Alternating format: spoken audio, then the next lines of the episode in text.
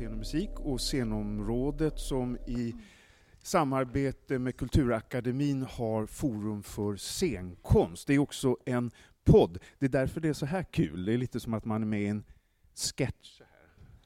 Att vi spelar in den här här och att om jag pratar så här så hörs det inte alls, men nu hörs det igen. Eh, vi ska prata om praktik idag, ganska vett och brett. Eh, det har varit ett sånt samtal redan som handlade lite mer om musikal. Eh, och idag är det mer fokus på eh, skådespelarutbildningen och praktik. Och med har vi lite gäster här. Eh, Måns Lagerlöf som är regissör, utbildad på DI eh, och har varit chef på Ungscen Öst och Örebro och är nu på Riksteatern. Karin de Frumeri som är frilansskådespelare, utbildad här. Eh, och eh, har jobbat på Folkteatern nu i två uppsättningar med i Folk och prat. Tre! Tre. Eh, och Lasse Melin som har varit också utbildad här och har varit chef i Jönköping och nu i, på Regionteater Väst. Och var också skådespelare på Backateatern i tio år. 18 år. 18 eller 75. 17 år. Ja. Så, så det här är vi. Eh, och vi tänkte att vi börjar med något sånt här litet eh, praktikminne.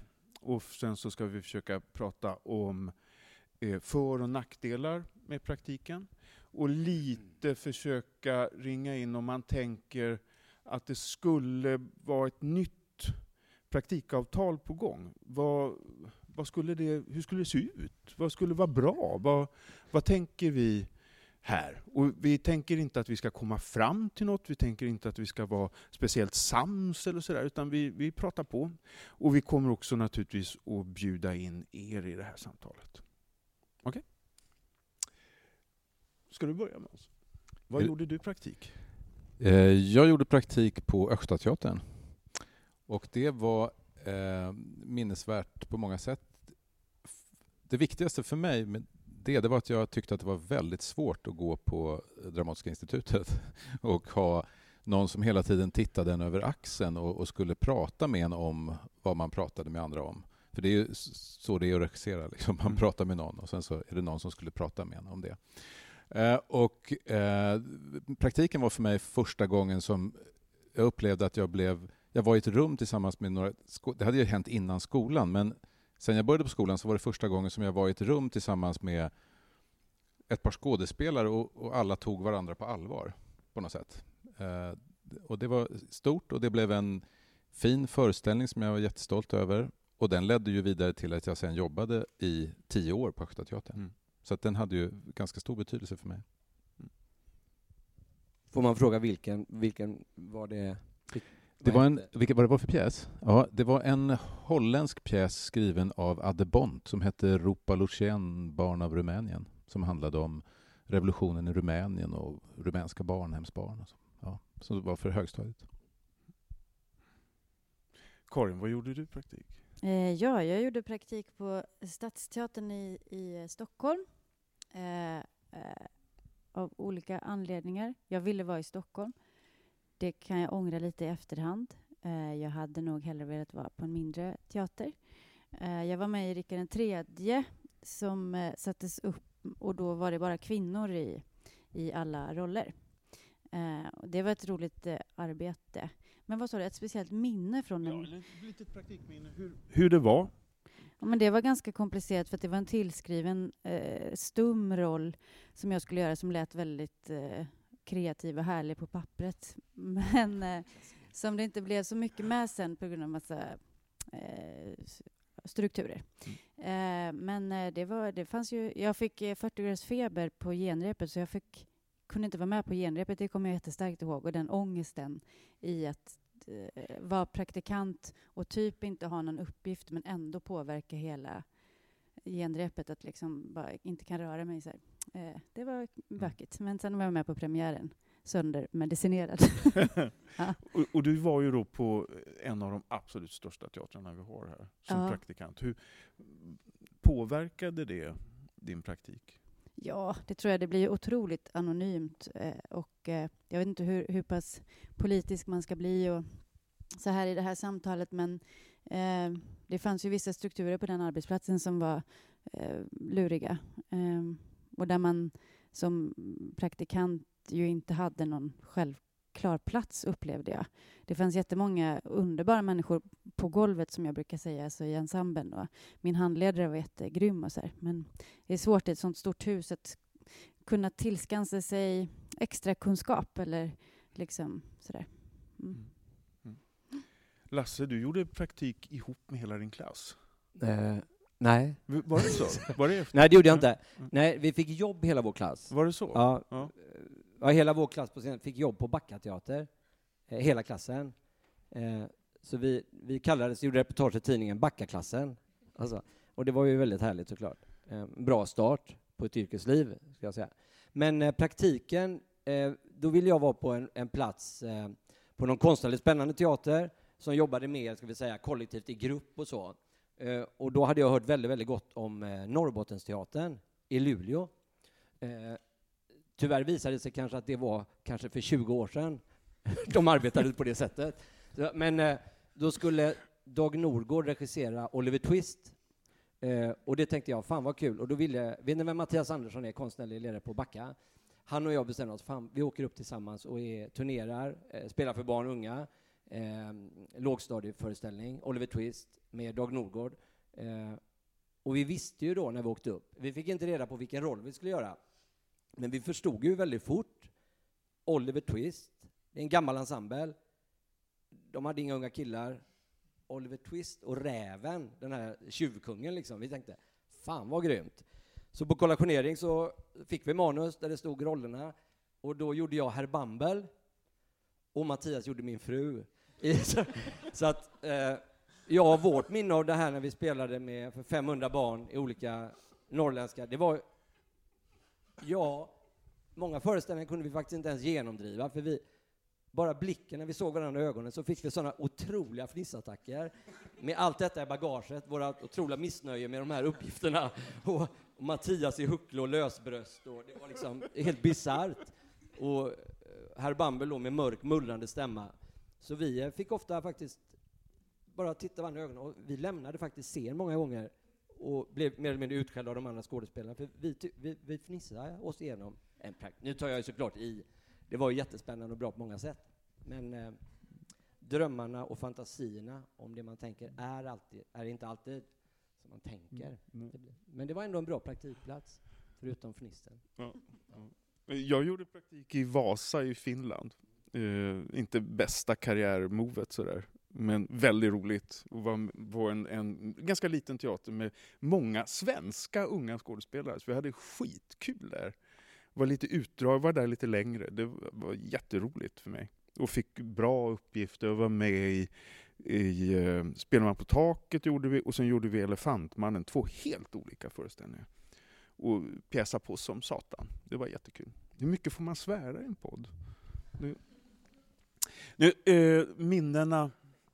Eh, Jag har en fråga faktiskt. Jag tänker när man har ett samtal så är det intressant att höra vem man pratar med och till. Hur många går här på skolan som eh, liksom elever? Ja, det är väldigt många.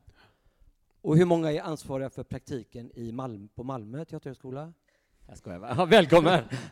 Jag ringde dig idag faktiskt och ville prata med dig om praktik och då sa hon, nej hon sitter på möte och sen tror jag hon ska åka till Göteborg på något möte.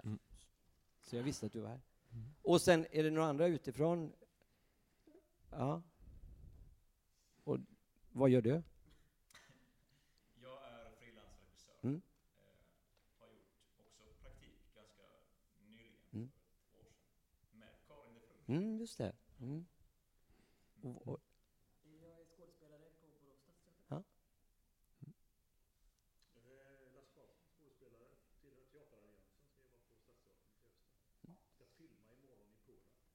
Oj. Ja, det är ah, bra. grattis! Och sen... Ja, I Göteborg? Ja. Var det någon mer som inte... Ja. Nej.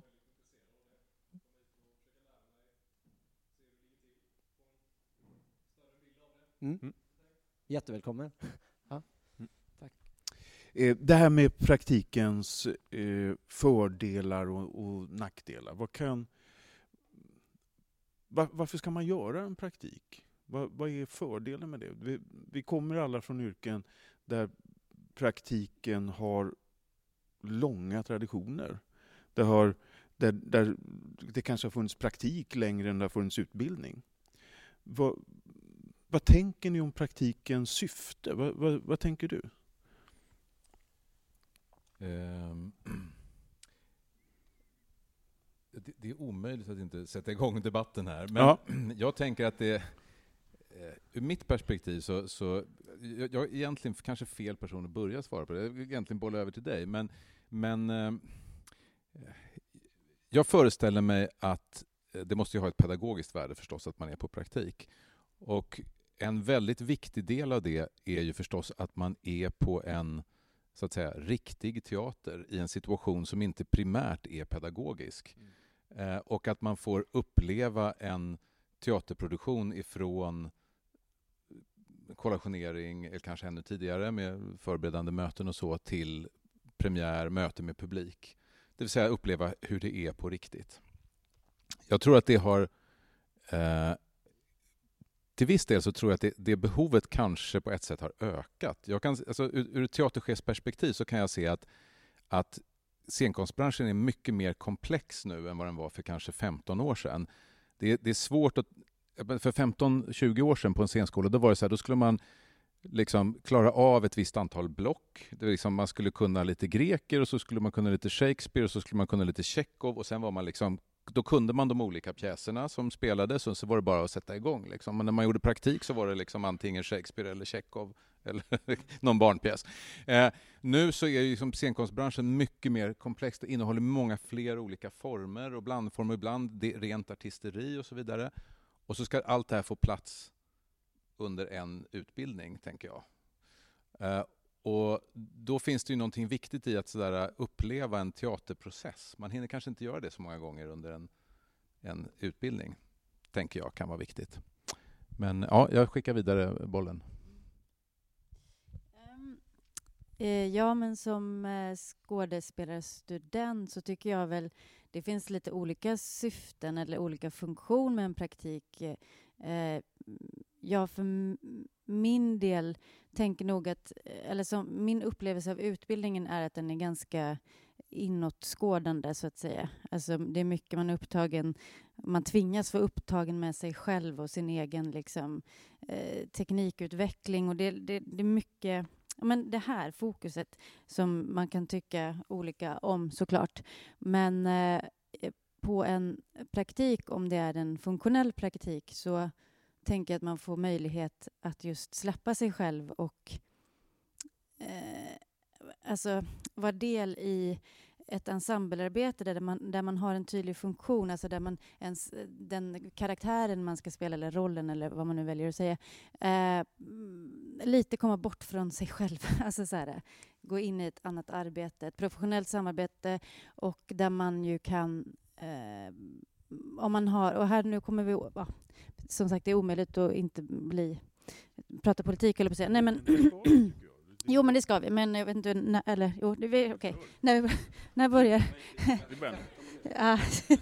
Nej, men, men eh, där, där tycker jag det kommer in med hur pass stor uppgift eh, man får som praktikant. För jag, eh, jag är för praktik. Jag tycker det är skitbra. Jag tycker det är en superviktig del av en utbildning. Men om man har en till exempel för stor uppgift, alltså där man är den som typ drar hela lasset i en, i en föreställning, så tror jag att det blir svårare att kunna ha det här perspektivet att man ibland också kan iaktta sina de professionella kollegorna liksom, i deras arbete. Eller, då tror jag inte man kan just få lämna sig själv heller och eh, gå upp i ett större sammanhang. Så jag tror på la, lagom stora uppgifter, vad nu det är. eh, mm. Vad var det pra- skulle svara Ja, på? ja, nu, vad syftet är och vad, vad, Ja. vad är som... och också, då tycker jag ett syfte till är också att eh, mm, jag gick ju fyra år. Väldigt skönt att få lämna sina klasskamrater ett tag. Alltså, inte, alltså oavsett om det är bra eller dålig eh, upplevelse. Men lite självständig. Alltså så här, vem ska jag bli sen? Sen är jag själv liksom. Jag har inte en hel grupp att luta mig mot så att säga. Mm. Lasse, vad tycker du? Nej, jag tänker det Måns och Karin ger en bild av här är en av de anledningarna, tänker jag, varför praktiken funkar dåligt. Det har gått en kvart så vi kan sätta igång konflikten här. Ja. Mm. Nej, men jag tänker att praktiken eh, är såklart att möta i ett sammanhang, en professionell teater, och att ta del av vad skådespelaryrket är. Eh, och det är ju inte bara en uppsättning eller sitt eget skådespeleri. Jag brukar säga det när skådespelare ber om ledigt på ett eh, gemensamt möte på teatern. Det är ofta då som skådespelare ber om ledigt också, när vi har gemensam mötesdag. Eh, och jag brukar säga att nej, det är väldigt olyckligt. Vi har bara tre sådana här möten ett år, på ett år. Och eh, för mig så är ett, eh, en mötesdag, eller en utbildning, eller en konferens, eller eh, ett skådespelarmöte är lika viktigt som en premiär. För att ett skådespeleri är ju inte bara sin roll och sin uppsättning. Jag tänker att det ligger för stort fokus på det faktiskt, utan att man ska få en erfarenhet av att ingå och arbeta som skådespelare. Och det är att man är med på möten, det är skådespelarmöten, alla de där mötena som jag nämner upp, som kanske man kan tycka är tråkigt och tänka att men det här är ju inte mitt jobb. Jo, det är exakt det. För utan de gemensamma mötesdagarna eller mötena så kommer vi inte ha en fungerande teater och inte fungerande skådespelare. Det tänker jag. Mycket mer fokus på det. Att ägna sig åt skådespelaryrket som också är allt detta. Jag tänker också att det, att det ju på en teater, det beror lite på vad man gör praktiken, hur stor teater man är på, men på, på de flesta praktikplatser så är det ju också en unik möjlighet att få ta del av alla de olika yrkeskategorier som ingår i en teaterproduktion och att få lära sig mer om hur deras, de, hur de, deras del av hel, deras arbete är en del av helheten. Um, och det kanske också det som jag menar, jag tror att vi alla är överens om att de stora praktikuppgifterna är ett problem. Uh, och uh, precis, jag håller verkligen med dig om att, att om man får en väldigt stor uppgift så då är man fullt upptagen med sin egen skådespelarprocess. Och den har man ju ganska gott om tid att ägna sig åt vid andra tillfällen än under praktiken. Och det uppstår också ett problem, ett pedagogiskt problem, tänker jag, med, med de här olika storlekarna på uppgifterna. Och det handlar ju om att eftersom praktiken är individuellt anpassad och så olika för de olika eleverna, så om man skulle om man skulle lägga ett tungt värde på just rollarbetet till exempel under praktiken, då blir ju inte eh, utbildningen jämbördig heller eftersom de olika eleverna kommer ha helt olika förutsättningar att fördjupa sig i det. Så jag tänker att det blir så att säga en pedagogisk omöjlighet att, att rollarbetet och, och liksom betydelsen för själva utvecklingen med det egna arbetet, det måste ske någon annan gång än på praktiken. Sen så finns det andra sätt, sätt att skapa en likvärdig praktik, det vill säga vi är alla med i en teaterproduktion, vi ska ta del av de här momenten och vi ska reflektera över vårt eget arbete på ett visst sätt och så. Där går det att skapa likvärdighet, men annars blir det väldigt det är stor skillnad så att säga att spela eh, liksom Jean eller att vara vakt fyra. Liksom. Och att har man tycker man att det här är ett viktigt rollarbete under utbildningen, då, då blir det väldigt ojämlikt där. Förutom storleken på uppgiften så tänker jag att eh, praktiken också är den möjlighet man har att, att göra sin valbara kurs. Vi, skådespelarutbildningar har inte så mycket valbarhet. Alla går ungefär samma grejer. Men praktiken är också, då är det helt okej okay att vara i en liten källare i Köpenhamn eller spela eh, en klassisk Strindbergspjäs eller spela barnteater eller nycirkus. Det finns liksom nästan inga begränsningar. Så man kan också fördjupa sig i ett intresse om man vågar det. Om man vågar se det som ett, en, en del av utbildningen. Det är kanske många som ser det som ett, eh, en, en dörr in till en, eh, en karriär. Jag tänker också att många ser det. Jag har gjort en liten undersökning. Jag tittade på eh, vad de gör praktik, vad de gjorde praktik i Luleå på Teaterhögskolan här. studenterna. studenterna om man ser en verklighet, de allra flesta av er kommer jobba på, inte på Göteborgs stadsteater, inte på Malmö stadsteater, inte på Riksteatern. Ni kommer jobba, tänker jag, på eh, länsteatrar, runt om i Sverige, från Skåne till Norrland och turnera, spela eh, scenkonst, göra scenkonst för barn och unga, tänker jag. Det är där de allra flesta skådespelarna arbetar. Eh, om man ska ta del av en verklighet så kanske det inte är... Jag tänker så här. Luleå teaterhögskola, var de hade sin praktik nu, för att ge en bild av den där experimentlusten och hitta olika uttryck. Smålands musik och teater, Jönköping, där jag jobbar förut. Eh, Göteborgs stadsteater, Örebro länsteater, Stockholms stadsteater, Stockholms stadsteater, Stockholms stadsteater, Stockholms stadsteater, Skärholmen, Stockholms stadsteater, Helsingborgs stadsteater och Göteborgs stadsteater. Det är en ganska stark bild ändå vad man vill vara i en storstad och visa upp sig, om jag, om jag hårdrar det. Är det, sko- är det liksom den pedagogiska uppgiften, tänker jag. För, ja. Ja, men nu kommer vi in på det. Det går ju inte att komma undan liksom, kulturpolitik eller liksom, arbetsmarknaden och hur den ser ut och sånt där. Att, eh, och där kan jag väl tycka, jag vet inte vart det ansvaret ska ligga, men eh, där kunde jag rent i, i den utbildningen jag gick, jag gick ju innan den här Bologna-processen, så att det är ju säkert massa mm, nytt då, men en otroligt mycket större uppmuntran just till det där. Alltså skit i Tänk inte att din praktik ska leda till att du ska få ett jobb eller att du ska kunna bjuda in liksom regissörer eller teaterchefer. Alltså, ja, jag vet inte fan om det hjälper, jag vet inte vad jag ska säga mer nu. Men alltså, jo, alltså en, en hjälp i det eh, liksom egna eh, tänket på något sätt, eh, i att välja praktik. Där, 80 procent ungefär gick, gjorde sin praktik på Göteborgs stadsteater. De var med i samma uppsättning. En av dem fick jobb där sen. Han gjorde inte sin praktik där. Det, det är oerhört svårt att se att det skulle fin, finnas någon följd av var man gör sin praktik och var man kommer att jobba. Nej, å andra sidan så finns det ju det här att ja, det, det, det är många som kommer till Göteborgs stadsteater och tittar. Alltså, så att där finns, det blir som en, eh, vad heter det, skyltfönster liksom. Men det är också så här att i ett, på en praktik, alltså att ha det här är ju i rätt retroperspektiv. Jag önskar, att jag, jag önskar verkligen att jag hade valt någonting annat. För att ha den pressen också, att så här, försöka lämna sig själv i fred, delta i det här kollektiva liksom, stora liksom, teatermaskineriet och samtidigt veta och ha, ha, ha en, en liksom, tanke på att tänk om det sitter någon där ute som kan ge mig ett jobb. Alltså, den stressen den kommer man ha resten av livet sen ändå. Alltså, få vara vara i fred från den så länge som möjligt. Mm. Jag tänker att det är en, det är en ansvarsfråga här också. Alltså, så här, vem har ansvar för sin praktik? Och jag tänker att du säger att det här är en möjlighet att göra ett eget val.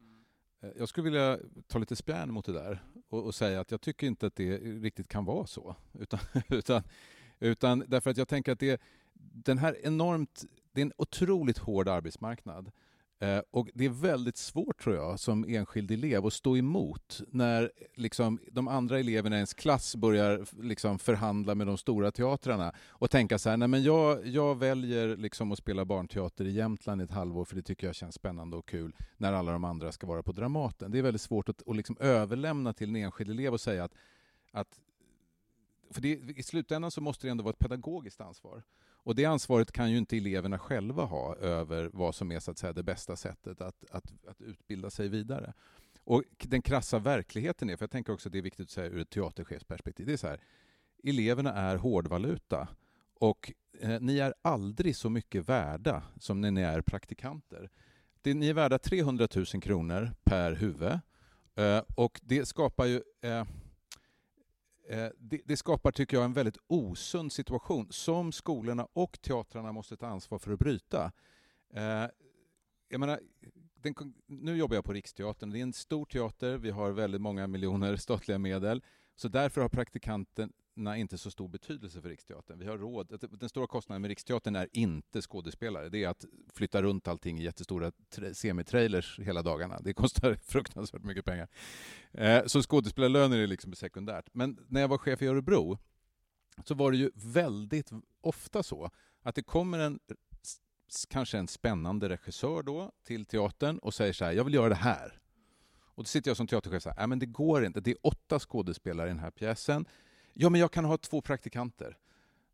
Okej då, ja då kanske vi har råd. Och så vill man ju väldigt gärna ha dit den där spännande regissören som säger att jag kan göra och man vill inte pruta för mycket. Så då kanske man till och med redan i det där beslutsläget så att säga, tecknar in lite grann att vi måste ha två praktikanter.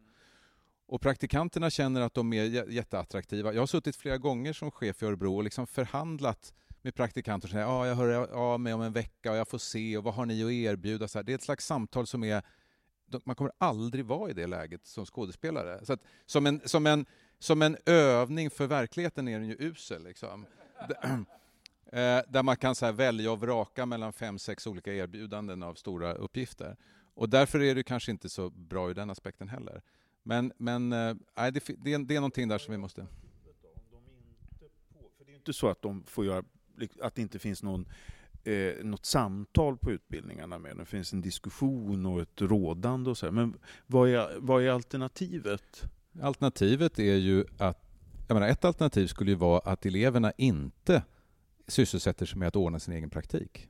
Utan att man ser det som ett rent pedagogiskt verktyg för att uppnå vissa pedagogiska mål.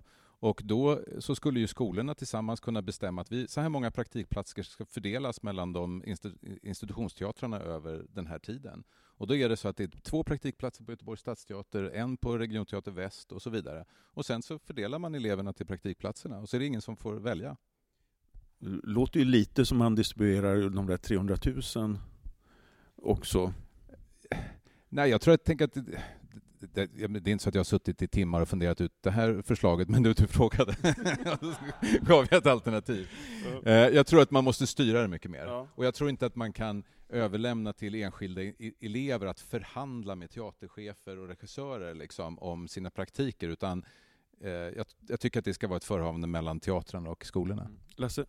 Men, eh, och jag instämmer med det, jag har varit i samma situation flera gånger. Eh, men jag tänker att ett, en idé som jag inte heller står för är att man skulle, skolorna skulle starta ett, ett väldigt tätt samarbete med några teatrar under flera år.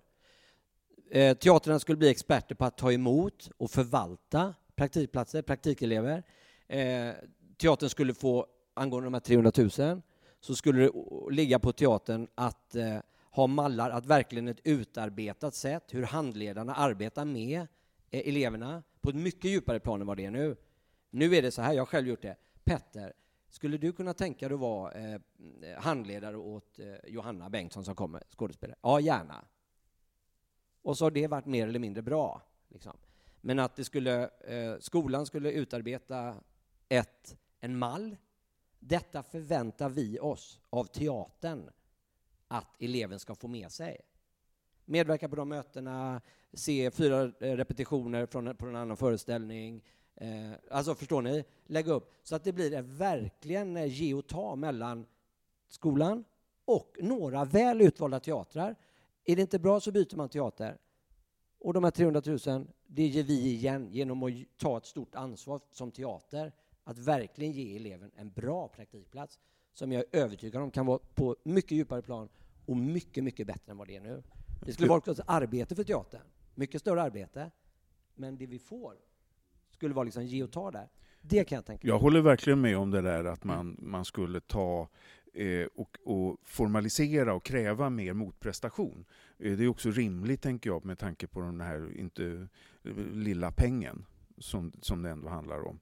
Och också att man skulle höja statusen på den som är handledare genom att det skulle vara liksom ett man skulle få en liten, ett litet, en liten bonus då på något vis. Inte en glass, utan det skulle märkas ordentligt. Liksom. Och Sassa, för oss Kulturakademin Trappan där vi jobbar bägge, då tänker jag att då skulle vi göra utbildning också för handledare. Och göra en riktig utbildning. Liksom, så att de blir experter på att ta hand om och förvalta praktikelever. Så Men- tänker jag. Men, men det här med att man skulle vara på... eh, En, man öppnar, liksom, man väljer två teatrar. Finns det inte risker med det också då? Liksom, att Det var den- du som sa två Peter, jag tänkte sex teatrar. Men, Ja. men finns väl risk, alltså det finns ju jätterisker med så som det är nu. Det är ju liksom otroligt, eh, vad heter det, godtyckligt. Jag menar, jag var med i en situation eh, när jag var utexad, men jobbade med en som gjorde praktik i ensemblen, vars handledare helt plötsligt visade sig inte kunde vara närvarande. Eh, vilket gjorde att, att eh, hen blev liksom helt utlämnad och eh, ha- hade ingen handledare. Och det var det. Alltså så här, det fanns ingen liksom fallskärm, vad heter det, Eh, skyddsnät. Eh, det var ingen annan handledare som steppade in där och, och, och så där. Så där, jag tycker det finns otroliga risker i att ha den här icke-strukturen som jag upplever är. Hellre då liksom, fan ha sex teatrar. Det kanske är astråkigt, men då blir det ändå en pedagogisk tanke. Man vet att eleverna blir eh, om, omhändertagna, fatta mig rätt. Alltså, ja. Sen eh, måste man ju lyfta in, tänker jag, eh, att ett exempel där en teater under ett år inte hade kunnat göra en enda utav uppsättningarna som den teatern gjorde utan att ha praktikanter. De hade alltså fått lägga, fått lägga en helt annan repertoar. Blir ju, jag tycker att det blir problematiskt gentemot alltså, kulturpolitiskt att säga vi kan göra gratis teater. Alltså ish. Eller vi kan göra sådana här mastodontföreställningar med två, på två skådespelarlöner och resten gratis, gratis arbetskraft. Det blir konstigt eh, att signalera det, tycker jag, till... Ja, det, det, verkligen. Och det finns ju också, jag menar, jag har exempel på uppsättningar, alltså den här attraktiviteten så att säga som krävs i uppgiften. Mm. När fokus i praktiken ligger på vilken uppgift får jag göra, vad får jag för roll? Då kan det också vara så att om en mindre teater är beroende av praktikanter för att kunna genomföra en uppsättning så får man ge större roller till praktikanterna och mindre roller till de nyutexaminerade skådespelarna. Så att de nyutexaminerade skådespelarna gör en roll med sex repliker och sen har praktikanten huvudrollen. För att praktikanten, för att man behöver den där praktikanten för att klara ekonomin. Och det är ju inte heller rimligt liksom. Och det är klart att det finns en, en tydlig konkurrens mellan praktikanter och nyutexaminerade skådespelare. Och de ska ju, därför tänker jag att man också måste prata om vad är en praktikuppgift? Och, och för mig så är det så här, när, när jag var chef i Örebro, jag anställde i stort sett aldrig skådespelare till, till större uppgifter. Det, alltså är det ett- en riktig roll så att säga som har en bärande, betydande uppgift för så att säga, föreställningen för att det ska bli ett helt konstnärligt verk, då kan inte en praktikant göra den uppgiften, tycker jag. Eh, därför att då sätter man, lägger man för mycket tyngd på den personens axlar. De ska inte behöva bära ett arbete, de ska inte vara... Man måste kunna, den här personen måste till exempel kunna upptäcka att jag klarar inte av det här. Och så måste man kunna byta den personen utan att man behöver skjuta premiären eller så vidare. Så att jag tycker liksom att man ska vara väldigt tydlig med att det ska vara begränsade skådespelaruppgifter. thank you